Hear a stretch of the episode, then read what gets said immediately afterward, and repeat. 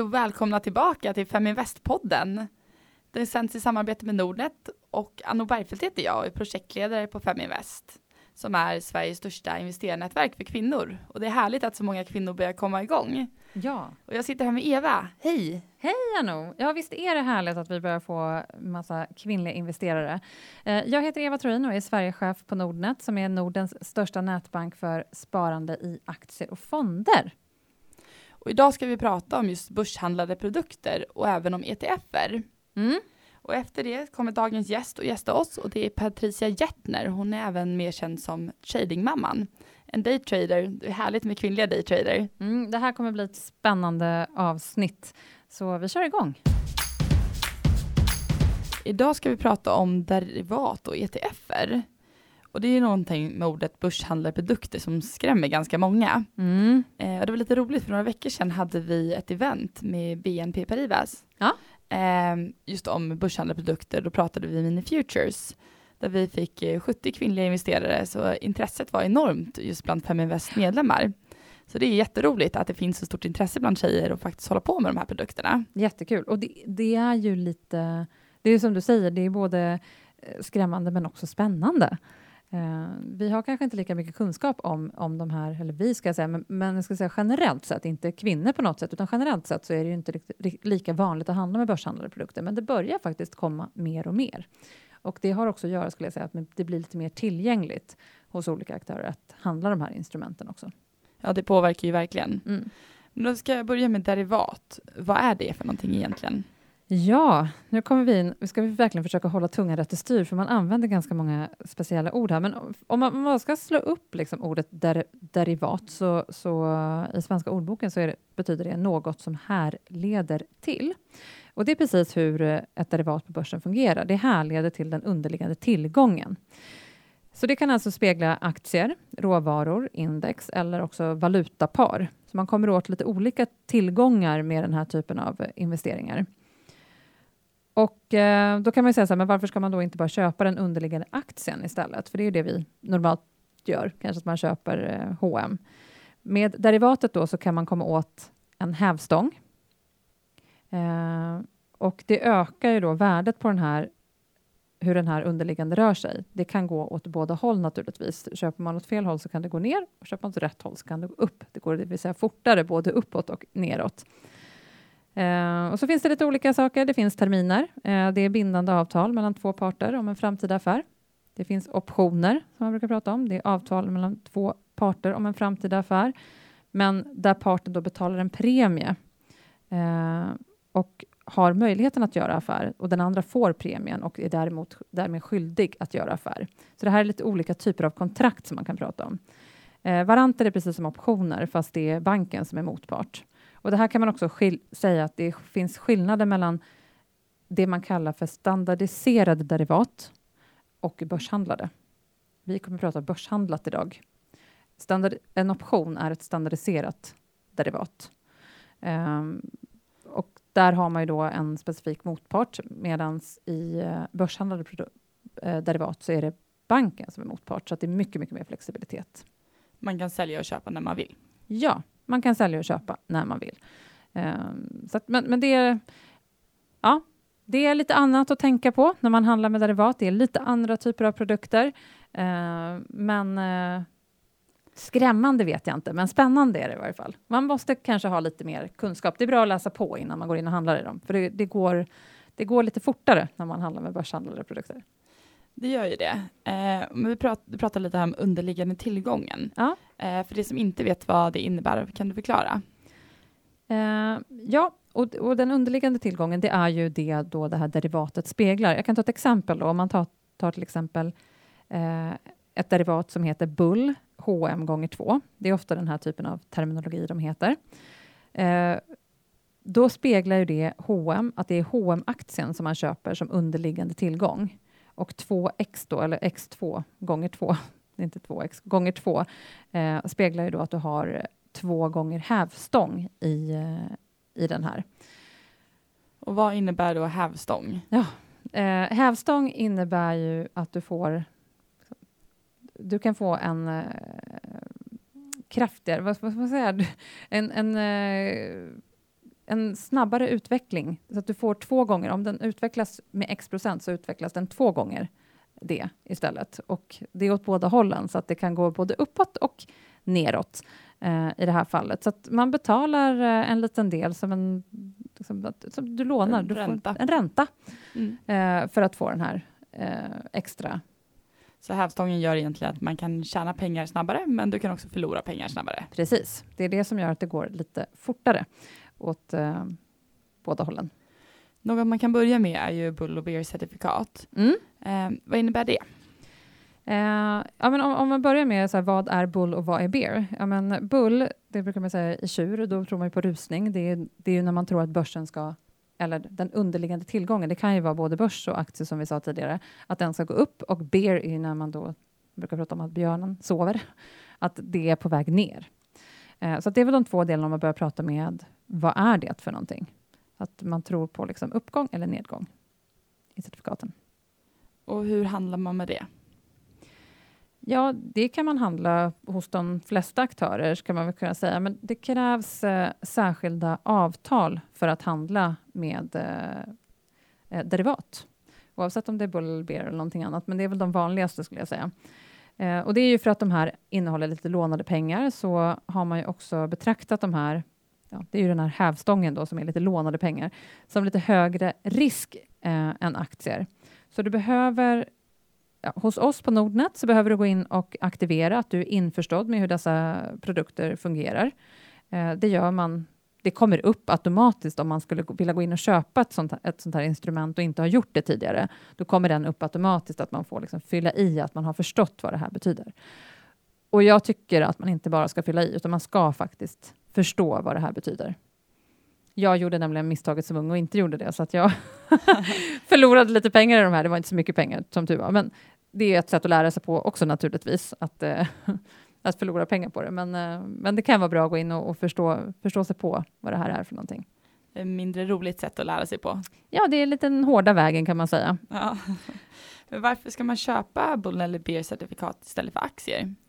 Ja, men det är ju det här med hävstången, eh, att, du, att du kan få liksom, större eff, liksom, ut, Utveckling. utveckling på, på din eh, investering. Jag vill prata leverage. Vet, det är svårt att beskriva det här på svenska.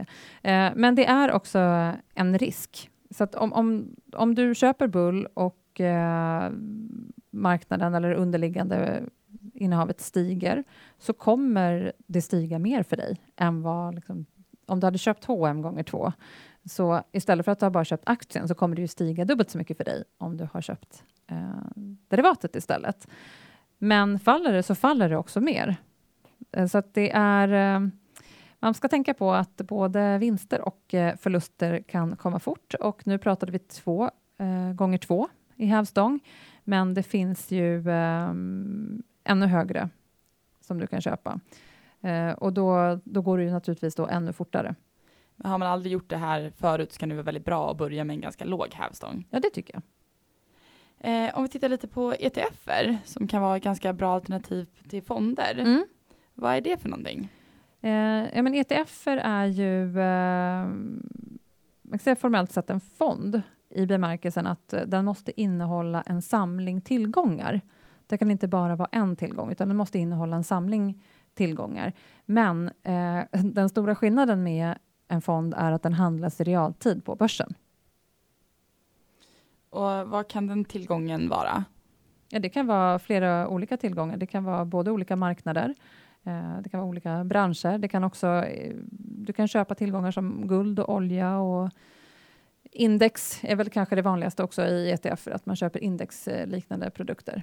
Men eh, generellt sett så kommer man ofta åt lite andra marknader och kanske lite andra produkter när man handlar i ETF, men också naturligtvis i derivat så kommer man åt eh, ja, andra tillgångslag än vad man gör om man skulle gå ut och handla på börsen.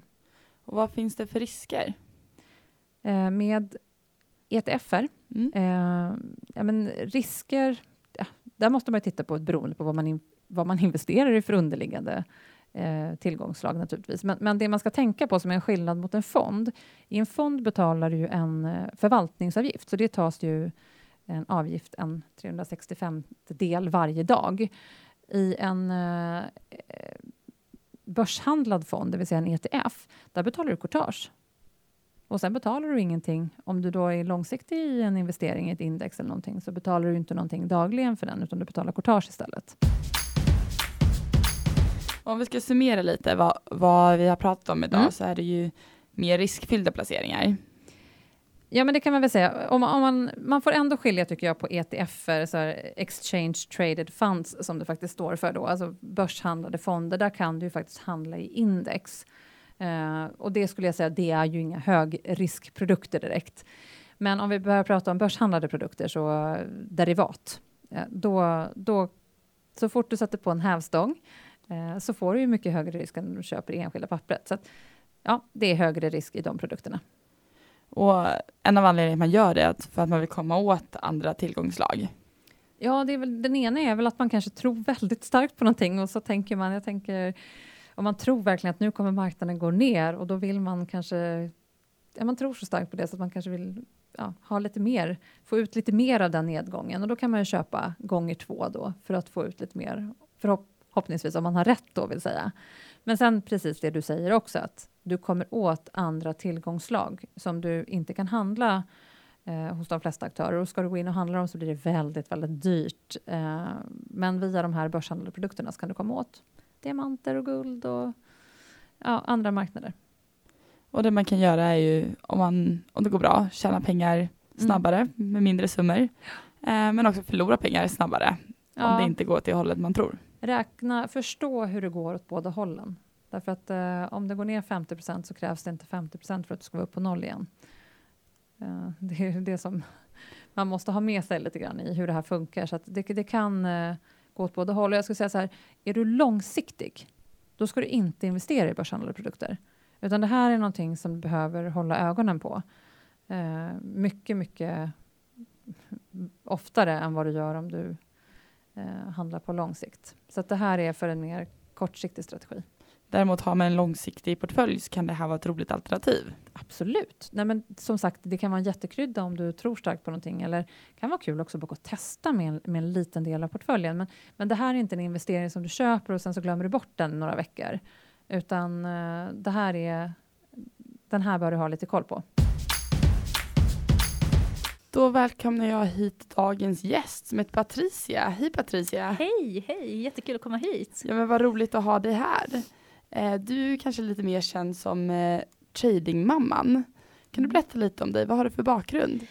Eh, det är ju, alltså jag är självlärd, är jag. Det var min mamma mycket som, som eh, ja, hon är på med trading, så det är mycket från henne.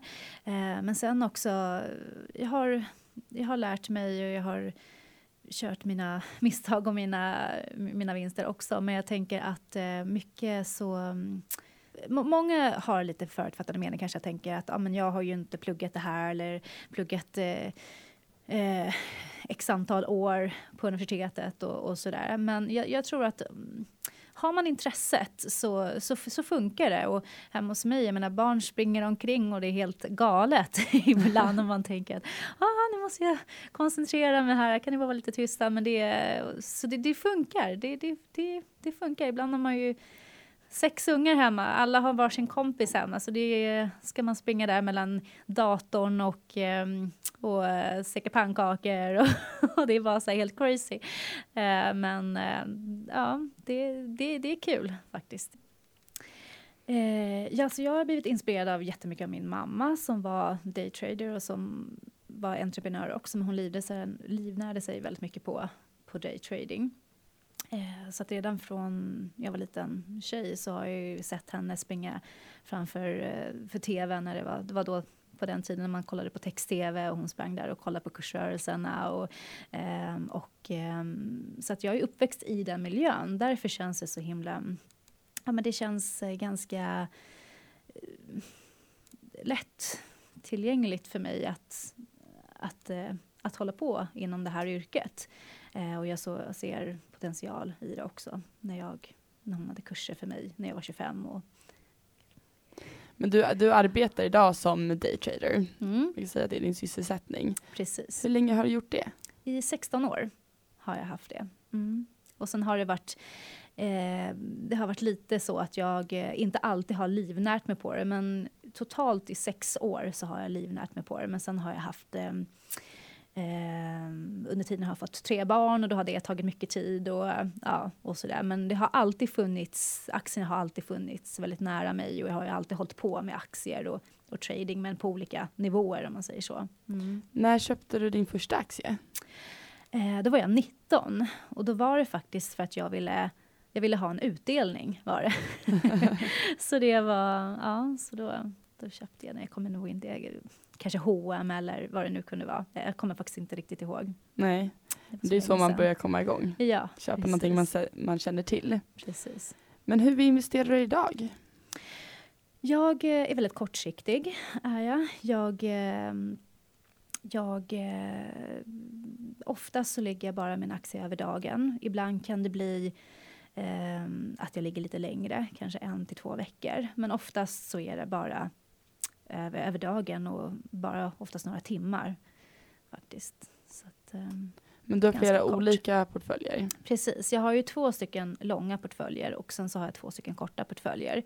Så det är framförallt i de korta portföljerna som jag, som jag handlar och eh, köper och säljer helt enkelt. I de långa så ligger jag lite, lite längre då, men ibland blir det inte det så, så lång tid heller. Men tanken är ju faktiskt att jag ska eh, ligga lite lång i dem. Mm. Det, jag tycker det är jätteroligt med en kvinnlig daytrader. Det är så få man träffar nu för tiden. Mm. Men hur kom du in på det här spåret? Det, det, var ju faktiskt för min mamma. Hade aktiekurser med mig när jag var... Vi, vi började väl... Man tänker att jag började väl när jag var ungefär 20 eh, och, och höll på och kika lite på aktier och sådär. Men det var inte så jätte... Det var inte så att jag livnärde mig på det. Men sen när jag var 25 då hade vi aktiekurser varje dag, jag och min mamma. Eh, och det var då jag såg potentialen, vilken var... Ja, jag såg potentialen helt enkelt. Vilken avkastning man kan få. Ja, precis. så det var ju, och då kände jag lite att, eh, ja, men om man kan köra på det här så är det ju här fantastiskt eftersom jag har tre småbarn och mycket hämta, lämna, kompislek och sådär. Så då blir det ju, ja, då känner jag att mm, man kan lägga upp sin tid helt själv och så. Ja, det är ju jättehärligt. Hur ser, hur ser en dag ut för en daytrader? Kan du inte berätta? Eh, det, jag tror det är lite olika, men som, som jag, som min dag ser ut så är det i varje fall att jag startar dagen klockan åtta, läser nyheter eh, och filtrerar de, de, nyheterna som jag är intresserad av och som de aktierna som, eh, de nyheter som rör de aktier som jag eh, investerar i. Eh, sen ungefär vid kvart i nio så börjar jag kika lite. Ja, men är det någonting jag är intresserad av? Är det någonting som jag ska eh, köpa eller sälja? Så då lägger jag mina ordrar på den kvarten och då ser man ju också hur, hur det börjar kursrörelserna innan där. Innan liksom själva börsen ska öppna. Sen nio, mellan 9 och 9.30 då har jag i stort sett gjort alla mina trades. Um, så att uh, resten av dagen så, så då tänker jag att jag ska, eller då, då, då sitter jag mer och, och kikar på kursrörelser inför kanske dagen efter eller bara analyserar, är det här en aktie som jag ska köra i till exempel. Så du håller dig uppdaterad? Ja, precis. Men är det några branscher som du inte investerar i? Nej, egentligen inte, utan det är jag, när jag sitter och läser nyheter när man kollar på kursrörelser, det, det, är egentligen det som är det är det som, som jag koncentrerar mig på. Så det, är egentligen, det har inte så stor sätt med, med branscher att göra för mig faktiskt, när jag tänker hur jag investerar. Hur tänker du kring utdelningarna? Då? Är det någonting som är viktigt? För, för mig som är så himla kort i mina, i mina trades så, så blir det att um, Tyvärr så är jag, jag, nej, jag är inte med på så mycket utdelningar. Jag, det, jag hinner inte. Ibland kan det bli så i mina långa portföljer att, att, att det stämmer med datumen och så. Eh, att man får en utdelning, men det, det är inte en, eh, en strategi jag har att jag investerar för att få utdelning, utan det, det är mera det är korta affärer som, som jag koncentrerar mig på och då blir det tyvärr inte någon utdelning. Men hur väljer du ut bolagen i din portfölj? Eh, det är mestadels genom, genom kursrörelser och sen om jag ser någon, någon bra nyhet som någon företag som jag tänker att ja, men det här är en framtidsaktie, den här tror jag på oavsett. Eh, så det, det är framförallt kursrörelsen, att jag sitter och analyserar kursrörelser och då går jag tillbaka till att man kollar ja, hur det har gått dag för dag, vecka för vecka, eh, månader och sen så ja, år tillbaka. Så att det är mycket sånt. Man blir nyfiken på att höra nu, vilket har varit ditt bästa aktieköp? Ja, mitt bästa aktieköp det var faktiskt en, eh, en, ett oljebolag som heter Africa Oil och det här var för fyra år sedan. De hade hittat en jättestor oljefyndighet. Eh, så att, eh, jag hade bara varit ute och tagit en kort promenad och sen kom jag in och slog på datorn och, eh, och får en chock. så det, det var ju helt, eh, ja det var jätte, det var, det var roligt faktiskt. Då fick jag lite extra ja, krut att man känner att, eh, att det här är ju det här är en grej som jag ändå tycker är kul och som jag, för då hade jag nämligen investerat i den aktien bara några dagar innan. Så att eh, Du hade tajmat det bra? Ja, jag hade tajmat det bra. det, ja. Mm. Aktiekursen går ju upp och ner, så om mm. vi pratar lite vad som har gått bra, vad, vilket är det största misstaget du har gjort? Oh, mitt största misstag? Uh, tyvärr så var jag en av de som investerade också i den här Northland, uh, en svensk gruvaktie som eh, ja, gick i konkurs. eh, ja, det var, det, var en, det var en hård smäll faktiskt var det. Ehm, så att eh, efter det så, så tog jag faktiskt en liten paus med tradandet. Jag tog det lite lugnare, gjorde jag. Inte var så högriskig som jag var under den tiden. Man, man får hämta sig lite. Ja. men eh, men det, det, var en, det var en, men nu är ja. Det, just nu så är det ju mycket osäkerhet kring börsen. Mm. Eh, hur tänker du? Hur ser du på det? Alltså jag ser det som möjligheter faktiskt, måste jag säga. Eftersom jag ligger så kort i, eh, eftersom jag är daytrader och ja, ibland swingtrader också, när man ligger lite, man ligger en till två veckor längre så.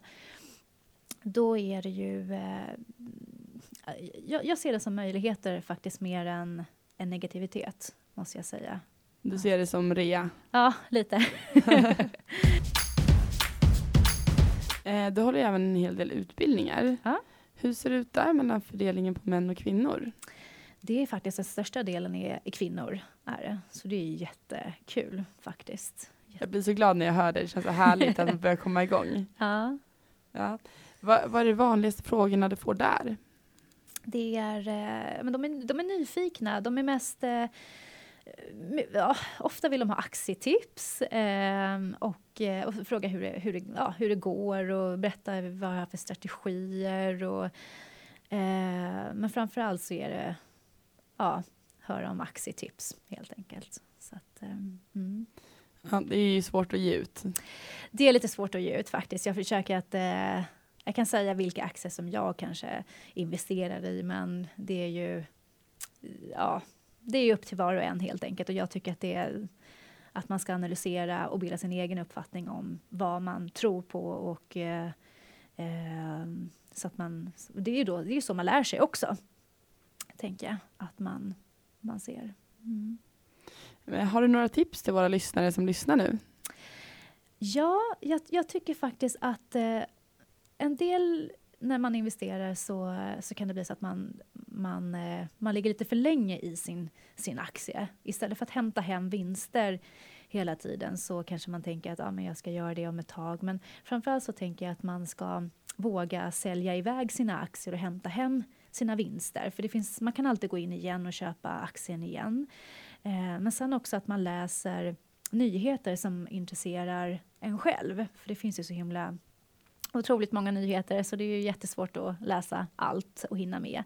Så att eh, jag tycker att det, det som är eh, ja, det som är grejen, det tycker jag. Man ska inte bli för kär i sina aktier helt Precis, enkelt. Man ska inte gifta sig med sin aktie. Nej. ja. eh, om, om man vill läsa mer om dig, var hittar man dig någonstans? Eh, Tradingmamman heter jag på, på min blogg. Och det är tradingmamman.blogg.se. Blogg.se. Mm. Perfekt. Tack så jättemycket för att du var här. Det är jättespännande Tack. att höra livet av en daytrader. Tack så mycket, vad kul. Då var det slut på det här avsnittet, men nästa vecka kommer vi prata om hur man investerar hållbart. Och kom ihåg att följa både mig och Eva på Twitter nu. Feminvest understreck eller Eva Nordnet. Och har ni feedback eller önskemål om andra avsnitten så kan ni skriva på både nordnetbloggen.se eller på feminvest.nu. Tack så jättemycket för att ni allihopa lyssnade och kom ihåg, more women equals more money. More